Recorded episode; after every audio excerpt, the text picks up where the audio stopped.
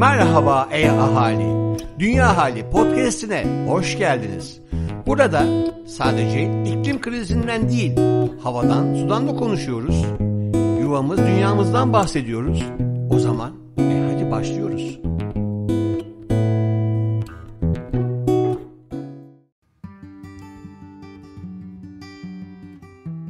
Selam Dünyalı.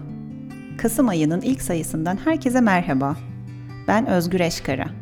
Bu sayıyı size ben seslendiriyorum. Bugün COP26'nın 3. günü. Tüm dünyanın gözü Glasgow'da. Gereken önlemler sonunda alınacak mı diye düşünceler içinde yerini sık sık umuda ve iyimserliğe de bırakan bir gözlem hali içindeyiz. Tartışmalar sürerken kesin olan şu ki iklim kriziyle mücadelede bir gün artık bugün. Keyifli dinlemeler diliyorum. İklim Masası Çağla Fıdıllıoğlu'ndan. Haberler. Küresel ısınma. Birleşmiş Milletler Çevre Programı tarafından hazırlanan emisyon açığı raporlarının 2021 yılı versiyonu yayımlandı. Raporda altı çizilen önemli bulgular şu şekilde. 2020'de gerçekleşen %5.4'lük bir düşüşün ardından küresel karbondioksit salımları tekrar Covid öncesi seviyelerine geri döndü. 2030 için açıklanan taahhütlerin küresel salımlar üzerindeki toplam etkisi yetersiz durumda. Paris Anlaşması hedefleri ile kıyaslandığında emisyon açığı hala büyük. Tüm koşulsuz 2030 taahhütlerinin tam olarak uygulanması durumunda bu yüzyılın sonundaki küresel ısınmanın 2.7 derece olacağı tahmin ediliyor. İklim krizi Dünya Meteoroloji Örgütü 2020 yılına kadar sera gazlarının atmosferdeki durumunu inceleyen sera gazı bültenini yayımladı. Bülten, atmosferdeki sera gazlarının rekor seviyelerde olduğuna dikkat çekiyor. Bültende öne çıkan bazı önemli noktalarsa şu şekilde. En önemli sera gazı olan karbondioksit miktarı 2020'de sanayi öncesi seviyenin 1,5 katına, metan ise sanayi öncesine kıyasla neredeyse 3 katına çıktı.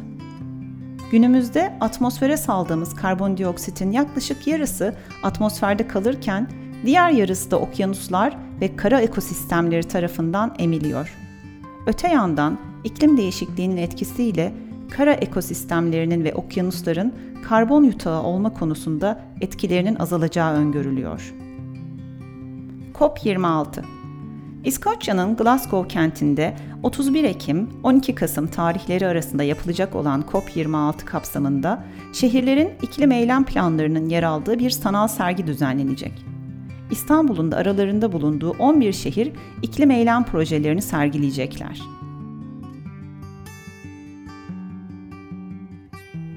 Köşe bucak dünya. Profesör Doktor Levent Kurnaz. Futbolun karbon ayak izi ve metaverse. Başka bir yaşam şekli mümkün. Mark Zuckerberg bir hayalin peşine düştü. Hayalin artık bir adı da var. Metaverse.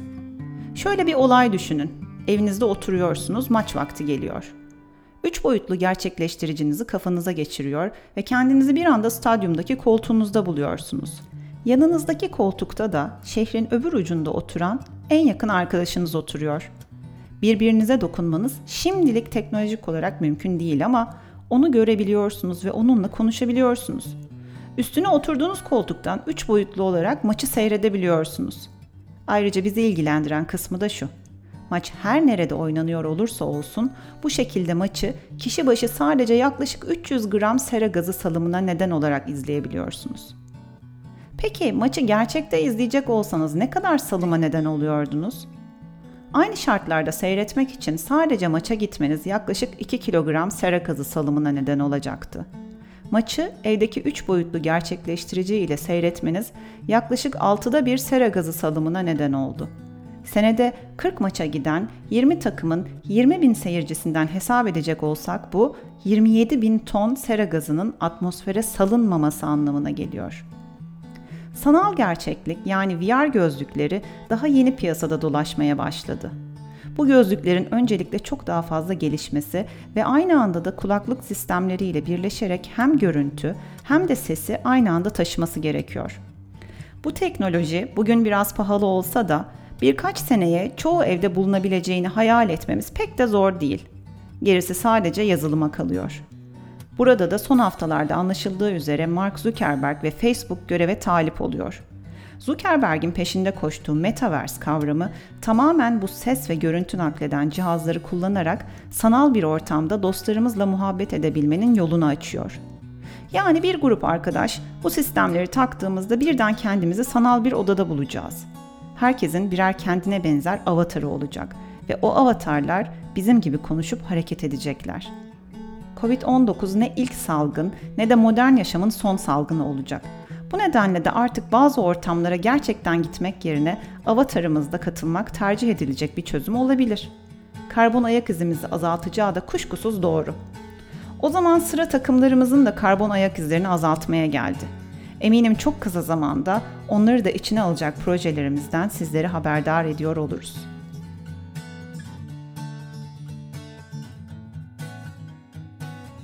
Yuvayı kurtarma sanatı Ebru Biter.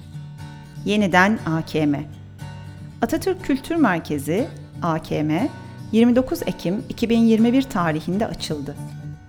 AKM'nin mimarı Murat Tabanlıoğlu, merkezin hem işletme mantığı hem de mimari anlamda bir kentsel model olarak tasarlandığını, malzeme ve işlev bağlamında sürdürülebilir olması hedeflendiğini, tüm işlevler ve birimlerde uzun yıllar ve yüksek nitelikli hizmet vermeyi sürdürebilecek olan yapıda inşa edildiğini ifade ediyor. Binanın yapımında özellikle yerli ürünler ve doğal yerel malzemeler uygulandı. Binanın cephe tasarımında gün ışığından maksimum verim alınması hedeflenerek aynı zamanda enerjiden tasarruf edilmesi planlandı. Ayrıca çevreci bir anlayışla yeşil çatı sistemi yapıldı. İstanbul AKM için tekrar heyecan doluyuz. AKM'nin etkinlik takvimini mutlaka inceleyin.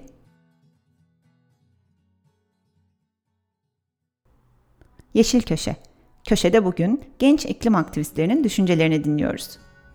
Yağmur Önel İnsanlık için kırmızı alarm. Kendimizi hep çok zeki, hep çok üstün gördük. Doğanın bir parçası olmamız gerekirken doğaya hakim olmaya çalıştık. Geliştik, çokça ürettik ve sınırlarımızı zorladık. Fosil yakıtlara bağlandık. Her gün daha fazla karbon saldık gökyüzüne. Birbirimizle kavga ettik, hırsımıza yenildik, egomuzu öne çıkardık. Kazandık mı ki bu savaşı? Doğa bize milyonlarca yıldır doğruyu gösteriyor. Güneş, rüzgar, su ve çok daha fazlasını doğa bize zaten sunuyor. Bizlerin de yapması gereken bu kaynakları doğru yerde, doğru şekilde kullanmak. Çevremde insanların sonumuz geldi, her şey bitti artık dediklerine şahit oluyorum. Bir şey bitmiş değil ama acilen önlem almamız ve harekete geçmemiz gerekiyor. Bunları yapabilmek için de umutsuz konuşmalardan çok ne yapmalıyız sorusu etrafında şekillenen konuşmalara ihtiyacımız var. Bu krizle mücadele sadece çevreci insanlara ait olmasın. Herkes bu doğanın bir parçası olarak onu temiz tutmalı, korumalı ve çevreye duyarlı olmalı. Lütfen yaş, din, ırk gözetmeksizin bu krizle mücadele etmek için adım atın. Çünkü bu kriz küçük büyük hiçbir fark gözetmeksizin herkesin hayatını etkileyecek. Başlangıç olarak iklim krizi hakkında film ve belgeseller izlemek, dergi okumak ya da arkadaşlarınıza bu durumu anlatmak ve onlarla tartışmak olabilir. Tamam da bunları yapınca iklim krizi sona mı eriyor diyebilirsiniz. Hep kendime hatırlattığım bir söz var. Ben değilsem kim? Şimdi değilse ne zaman?